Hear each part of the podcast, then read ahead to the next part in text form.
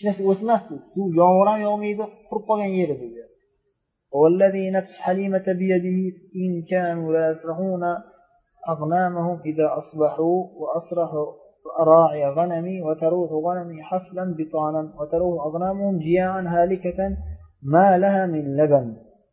فنشرب ما شئنا من اللبن وما من الحاضر من أحد يحلب قطرة ولا يجدها. aytyaptilar o'sha qishlog'imizda odamlar qo'ylarini o'tloqqa olib chiqishardi. Hech narsa topisholmasdi och qaytib kelardi. Bizni qo'ylarimiz qorni shishib to'lib qaytardi.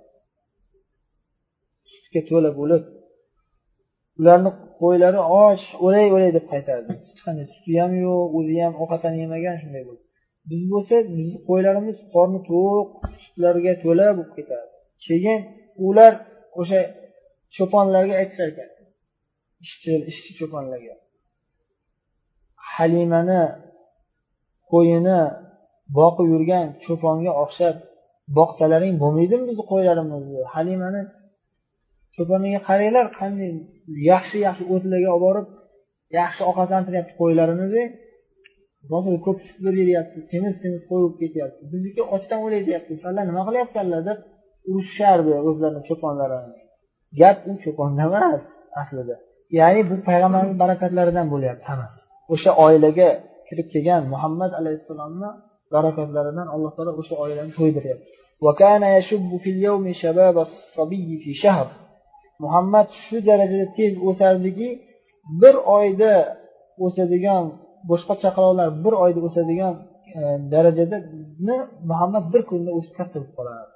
boshqa chaqaloqlar bir yil bir yilda bir yoshga to'lganda qanchalik bo'lsa muhammad bir oyga to'lganda shunchalik bo'ladi bir necha yil o'tib kishi juda kuchli bir yigit bo'ldilar keyin onalarini oldiga olib keldik فقلت لها أو قال لها زوجي دعي ابني فلنرجع به فإنا نخشى عليه وباء مكة ونحن أظن شيء به لما رأينا من بركته endi yosh falonchi yoshgacha boqib olib kelinglar deganlar e, onalari. Uch to'rt yoshgacha qaytib endi va'da va'daga vafo qilib o'sha vaqtda olib kelishdiyu faqat qaytarib olib ketishmoqchi topshirishmoqchi bahona topish kerak bahonaga aytishadiki men va erim ya'ni u ayolga yani ominaga aytdik. Bolangizni bizda qoldiravering biz olib ketaveraylik chunki bu makkada bir kasallik tarqagan shu kasallik yo'q qolmasin. Sahroda maza qilib bizni toza havoda yashasin dedik barakati bu muhammad sallallohu alayhi vasallam barakalari juda ko'pligini bilib shu baxillik qilyapti bergimiz kelmayapti. Yo'q bolamni tashlab ketinglar bo'ladi shuncha boqqaninglar yetadi desalar ham yo'q olib ketaylik deb majburlab ikki oy qayta olib ketishgandan keyin ikki oy o'tdi. Ikki oy o'tgandan keyin bir kuni payg'ambar sallallohu alayhi vasallam kichkina kichkina boladalik davrlarida o'sha halimani uyini orqasida o'rtoqlari o'sha halimani o'g'li bilan o'ynab turganlarida bir mahal hovliga chiqib ketishgan o'ynashyapti ikkita aka uka bir mahal to'satdan o'sha akasi yugurib kelib qoldi oldimga. Halimani o'g'illari ya'ni. Kelib menga va dadasiga aytdiki qurashiy ukamni tezda buni qutqaringlar qurashiy ukam ya'ni muhammad tezda qutqaringlar ikkita odam kelib yotqizib qornini yorishdi deyapti. Biz cho'chib qo'rqib ketib yugurib bordik dadasi ham yugurib bordi. Borgach borsak tik turibdi muhammad lekin ranglari oppoq qattiq qo'rqib turibdi. Quchoqlab oldik dadasi ham quchoqlab oldi. Nima bo'ldi o'g'lim desa ikkita odam kelib oppoq kiyimda keldi ikkita odam deydi mani yotqizib qornimni yorishdi keyin nima qilishdi bilmayman keyin muhammadni ko'tarib uyimizga olib keldik. Uyga olib kirdik. Halimani eri halimaga aytyaptilar hey halima bu chaqaloqga bir narsa bo'ldiyu endi bu bir kasallikka uchradi endi bu. Qornini yorib ketgan bo'lsa jinlar shaytonlar bir narsa qildiyu deyapti endi. Shu shaytonlardan ko'ryapti ko'z tekkan yoki bo'lmasam shayton hasad qilgan bir narsa bo'lgan deb hayolning hayoli tezda onasiga qaytarib yuboraylik bir narsa bo'lib qolishdan hozir biz bilinmayaptiyu bir narsa bir narsa bo'ladi. Endi bu bu narsa qilib ketildi bu jin tegdi bunga. Bir narsa bo'ladi. Tezroq ma'lum bo'lib qolishidan oldin biz topshirib olaylik omonatni. Keyin bo'lsa biz javob bermaymiz. Hozir qo'limizda bir narsa bo'lib qolsa biz javob berishimiz kerak. Keyin qiyinchilikka tushamiz. Musibat bo'ladi biz qo'rqayotgan narsa chiqib qolishidan oldin tezda onasiga olib keyin onasiga borib topshirishdi. nimaga qaytib keldinglar bor ikki oy bo'ldi ketganinglarga mani majburlab qattiq iltimos qilib olib ketuvdinglarku juda o'ch edinglarku olib ketgan muhammad nima bo'ldi desa لا والله إلا أن كفلناه وأدينا الذي علينا من الحق فيه ثم تخوفنا عليه الأحداث shu fikrimiz o'zgarib qoldi endi biz o'sha kafolatimizni oldik qo'limizdan kelgancha haqini ado etdik endi boshqa biron bir hodisa bo'lib qolmasin deb qo'rqyapmiz bilmaysiz kelajakda nima bo'ladi musibatlar ko'payib ketyapti deb gap qilib topshirib qutulishmoqchi onasini huzurida bo'lgan yaxshi deb topshirish.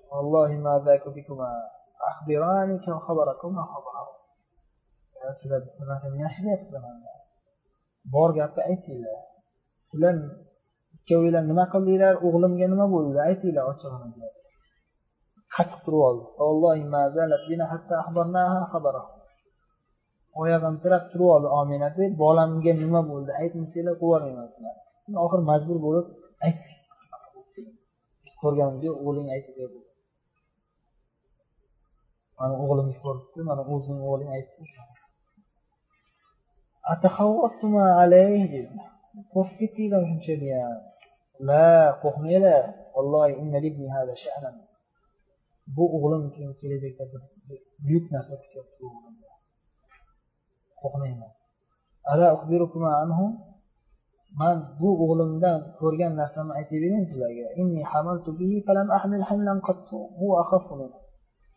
Homila bo'lganimda bu o'g'limga bundan ko'ra yengilroq bir narsa ko'tarmaganman. Hech sezmaganman to'qqiz oy tug'adigan holimda ham hech qanaqa og'irlik sezmaganman bundan ko'ra barakasi ko'proq xayri ko'proq narsa bo'lmagan. Qornimda tuqqanimda boshqa chaqaloqlar tug'ilganday tug'ilgani yo'q. Qo'lini ikki qo'lini yerga qo'yib boshini osmonga ko'tarib osmonga qarab duo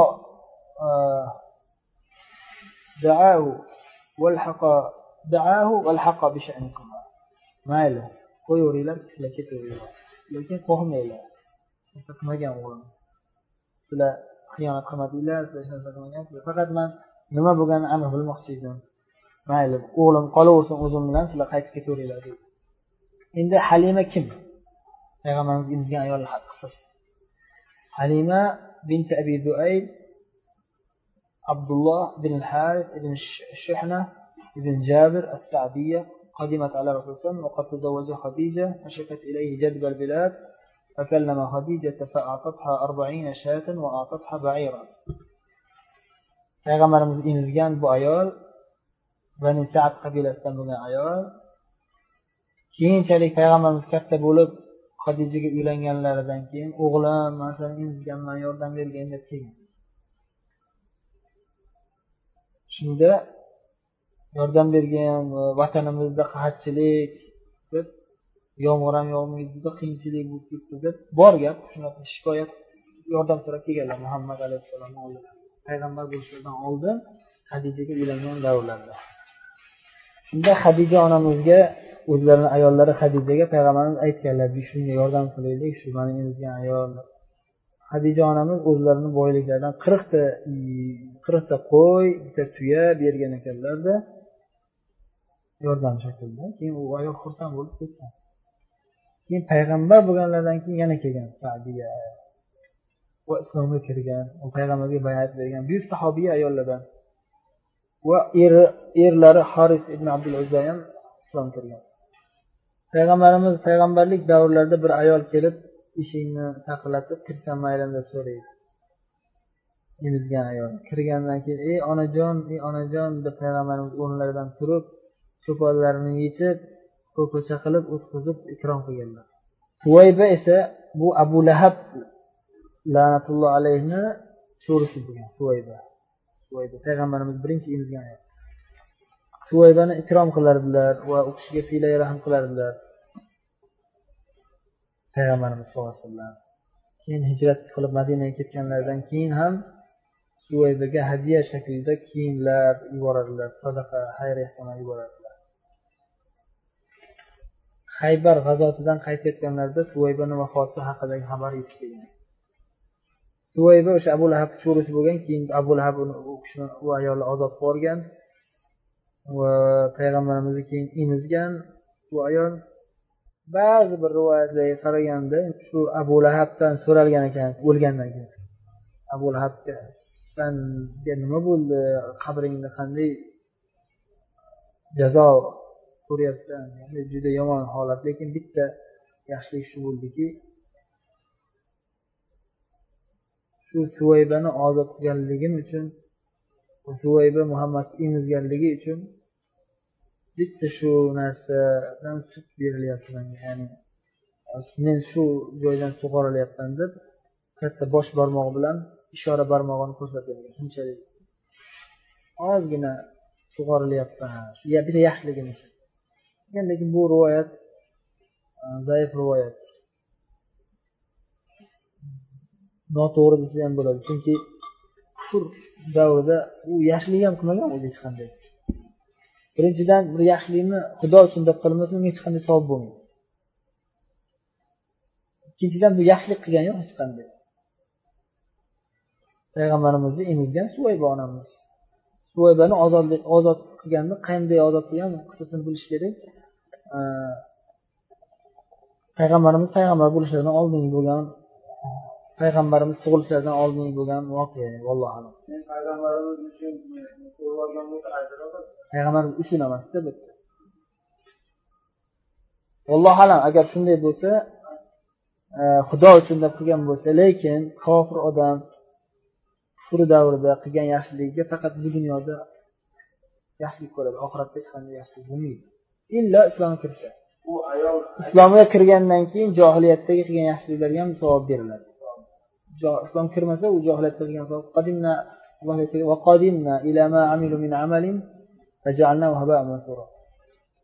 kofirlar qilgan yaxshi amallarni hammasini olib kelib haba ya'ni chang to'zonday yoqib yuboramiz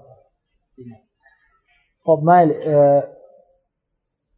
جاء حديث شرح صدر صلى الله عليه وسلم في الصحيح صحيح buxoriyda kelgan sahih hadislarda kelgan payg'ambarimizni ko'kraklarini yorib ichlaridan shaytonni tugmasini olib tashlaganlik qissasi bu sahih mo'jiza sahih sobit bo'lgan hech qanday shak shubha yo'q anas ibn molik roziyallohu anhu rivoyat qiladilar rasululloh sollallohu alayhi vasallam yoshliklarida bolalar bilan o'ynab turgan paytlari jibril alayhissalom keladilar olib turib yotqizib qalblarini yorib yuraklarini yorib yuraklarini ichidan bir qon kichkina qonni chiqarib tashlaydi va aytadilarki bu shaytonning nasvasi seni ichingga kirib olgan nasvasi deb olib tashlaydi chiqarib yuboradilar keyin yuraklarini payg'ambarimizni yuraklarini tilladan bo'lgan bir tog'orada zamzam suvi bilan yuvib tozalanglarda keyin yana e, qaytadan joyiga qo'yib laamahu degani o'sha bitkazib qo'yadilar yuraklarini yorib ichidan olib tashlab keyin yuraklarni yana qaytadan joyiga qaytarib bitkazib keyin yana yurakni jismni ichidagi joyiga qo'yadilar muhammad o'ldirildi deb turib yosh bolalar yugurib kelishadi. Keyin qarashsa ranglari o'zgargan holatda bo'ladilar payg'ambarimiz keyin qolgan qissa yuqorida o'tgandek onalariga qaytarib berishadi. Onalari bu qo'rqinchli narsa emas bu o'g'limni bu karomati bu mo'jizasi bu kelajakda bu narsa bo'ladi yaxshilik bo'ladi deb yaxshi umid qiladi onalar. Anas roziyallohu anhu aytadilarki payg'ambarimiz payg'ambar bo'lganlaridan keyin ham payg'ambarimiz ko'kraklarida o'sha tikilgan jabroil alayhissalom kelib yorib keyin tikkanlik asoratini ko'rardim dedi. Endi payg'ambarimiz halima bilan halimani e, qishlog'ida qancha vaqt turganlar ixtilofli masala. Ba'zi bir rivoyatlarda ikki yilu ikki oy turganlar deyilgan. Ibn qutaybada esa ya'ni ibn qutaybani siyratlarida yo'q besh yil turganlar deyilgan. Ixtilofli masala ikki yil turgan bo'lishliklari ham ehtimoldan xoli emas chunki haligi aytilgandek payg'ambar sallallohu alayhi vasallam qisqa muddat ichida tez rivojlangan. Tez katta bo'lib tez rivojlanganlar. Haligi aytgandek boshqacha qilib bir yosh bo'lsa payg'ambarimiz bir oy bo'lsalar xuddi tenga o'xshab turadi omina onalari vafot qilishligi qissasi. Payg'ambarimiz onalari omina payg'ambarimiz yoshliklarida vafot etgan halima sadiya halima sadiya payg'ambarimiz emizi bo'lib qaytarib onalariga topshirgandan keyin payg'ambar onalar bilan birga yashanglar olti yoshga yetguncha olti yoshga yetganlaridan keyin payg'ambarimiz bilan onalari madinadagi tog'alarini ziyoratiga borishadi. Madinada bani adi bin najjar payg'ambarimiz onalari o'sha yer o'shalardan bo'lganlar. Demak ular payg'ambarimizga tog'a bo'ladi o'shalarni ziyoratiga madinaga kelishadi. Va ular bilan birga umu ayman abdulloh payg'ambarimiz dadalari abdullohni cho'risi bo'lgan umayman uchovlari birga o'zlarini xizmatchilar bilan birga kelishadi u bir oy turishadi. Madinada. Keyin makkaga qaytishayotganda yo'lda abva degan joyda vafot qiladilar. Onalar omina qabrlari hozirgacha o'sha yerda deyishadi. Abva degan mintaqa makka bilan madinani o'rtasida orasida. Keyinchalik payg'ambar bo'lganlaridan keyin payg'ambar sallallohu alayhi vasallam o'sha mintaqadan hudaybiya g'azotiga umrasiga ketayotganlarida o'sha onalarni qabrlarini oldidan o'tadi alloh taolodan ruxsat so'ranglarki onamni qabriga qabrini ziyorat qilishga ey olloh o'zing ruxsat bergin alloh ruxsat beradi. Borib qabrlarni ziyorat qiladilar. Qabrlarni ziyorat qilganlarida allohdan ruxsat so'ranglarki onamga istig'for ayting onamga olloh alloh o'zing rahm qilgin deb kechirim gunohlarini onamni gunohlarini kechirgin deb istig'for so'ray onam uchun deganda olloh ruxsat bermagan shu onalariga istig'for aytishga olloh ruxsat bermaganligi tufayli ulamolar onalari musulmon bo'lmaganlar deyishadi. U musulmon bo'lmaganliklari sababi payg'ambarimiz payg'ambar bo'lishlaridan oldin vafot qilib ketganlar. Bu yerda xato muammo shuki payg'ambarimiz payg'ambar bo'lib kelishlaridan oldin quraysh ahli butlarga sig'inishardi. Vaholanki butlarga sig'inish ibrohim alayhissalomni dinidan emas edi. Ular makka ahli ibrohim alayhissalom dinidan deb davo qilib turib ibrohim yagona allohga ibodat qilganligini bilishardi. Ammo lekin keyinchalik kirib kelgan butlarga ham sig'inishib shafoat qilardi yaxshi odamlarni butiku yaxshi odamlarni haykaliku deb sig'inishyapti bu narsa shirk akbar.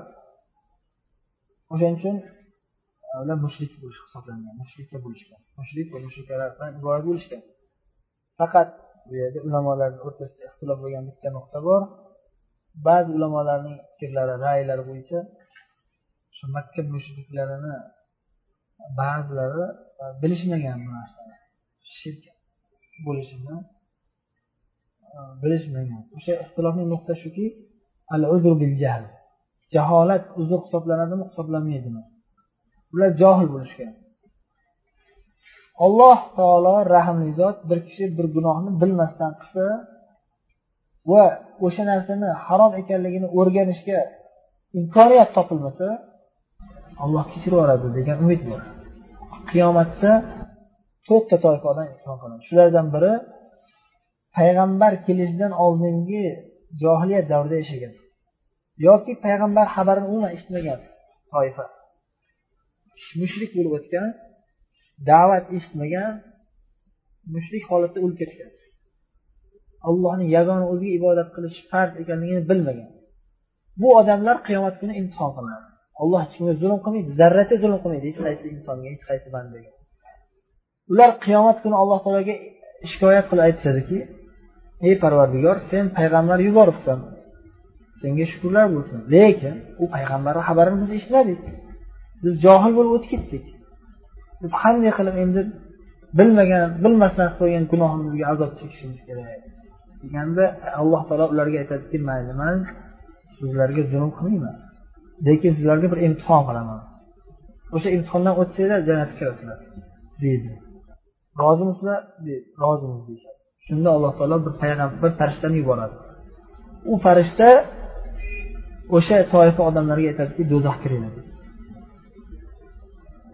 biz nimaga do'zaxga kiramiz deb e'tiroz bildiradiganlar bo'ladi. Olloh imtihon qilaman degani shu imtihon bo'lsa kerak.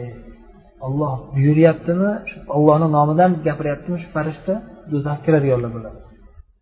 Ular do'zaxga kirsa u jannat bo'ladi. Do'zax bo'lmaydi.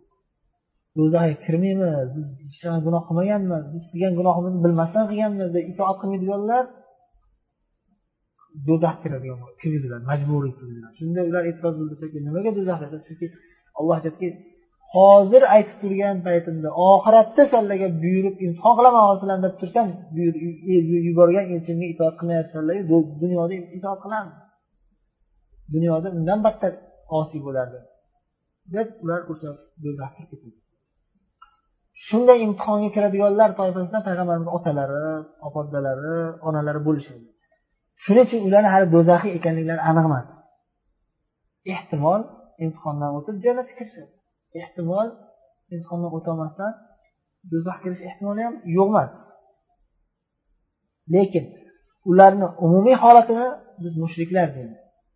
Umumiy holatida do'zaxga ahl do'zaxga kirishga sazovor odamlar bo'lgan deymiz.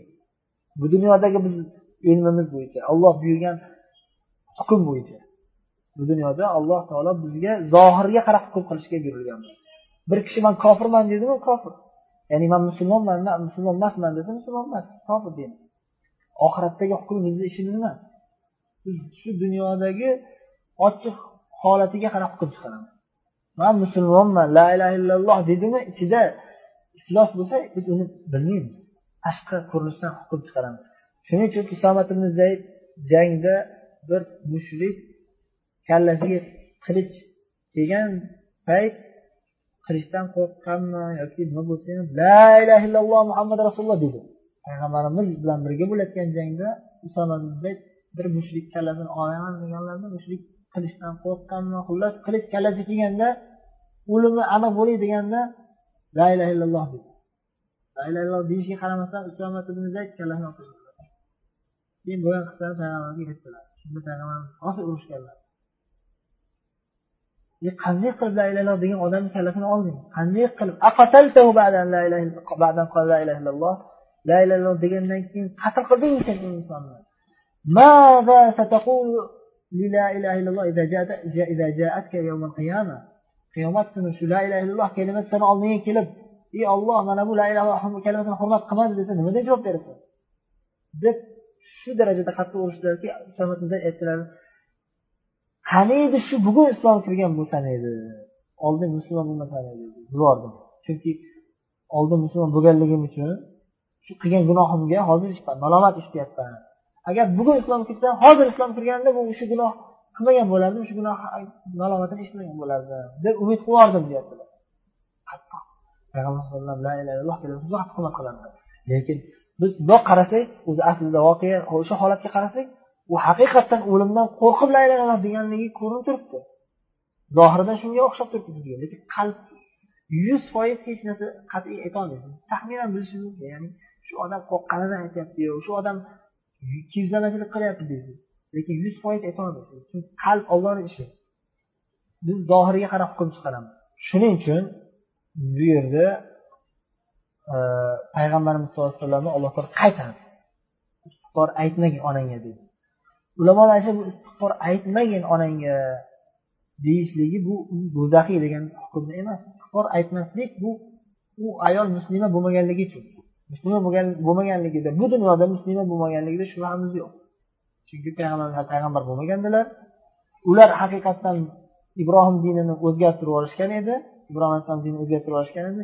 Shirklarga kirib ketishgan edi. Bilibmi bilmasdanmi shirkka kirib ketishgan edi.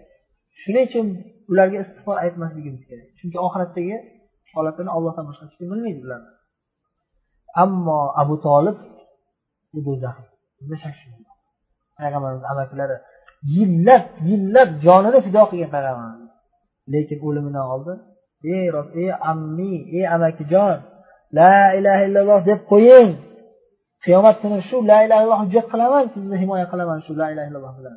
Desalar ham ota bobomni dinidan qanday qaytaman? Or nomusga qanday chidayman man otamni ona ota bobom yurgan yo'ldaman deb o'lib ketdi. La ilaha illalloh demadi vaholanki payg'ambarimiz dinlarini haq ekanligida she'rlar to'qigan. Payg'ambarimizni joni chiqquncha himoya qilgan. Abu tolib tirikligida payg'ambarimizga mushriklar ziyon yetkazisholmagan lekin haq da'vat eshitib turib kirmadi. Qabul qilmadi tili bilan aytmadi ichidan bilgan bo'lsa ham. Bu do'zaxiylik shunday chunki bunga da'vat yetib kelgan qabul qilmadi. Amal qilmadi. Ammo dadalari bilan onalarida ixtilof bor. Shu nuqtada to'xtaymiz. Endi keyingi darsda o'sha omina onalari vafot qilgandan keyin payg'ambarimiz ahvollari qanday bo'lgan? Shu haqida keladi. سبحانك اللهم وبحمدك نشهد ان لا اله الا انت نستغفرك ونتوب اليك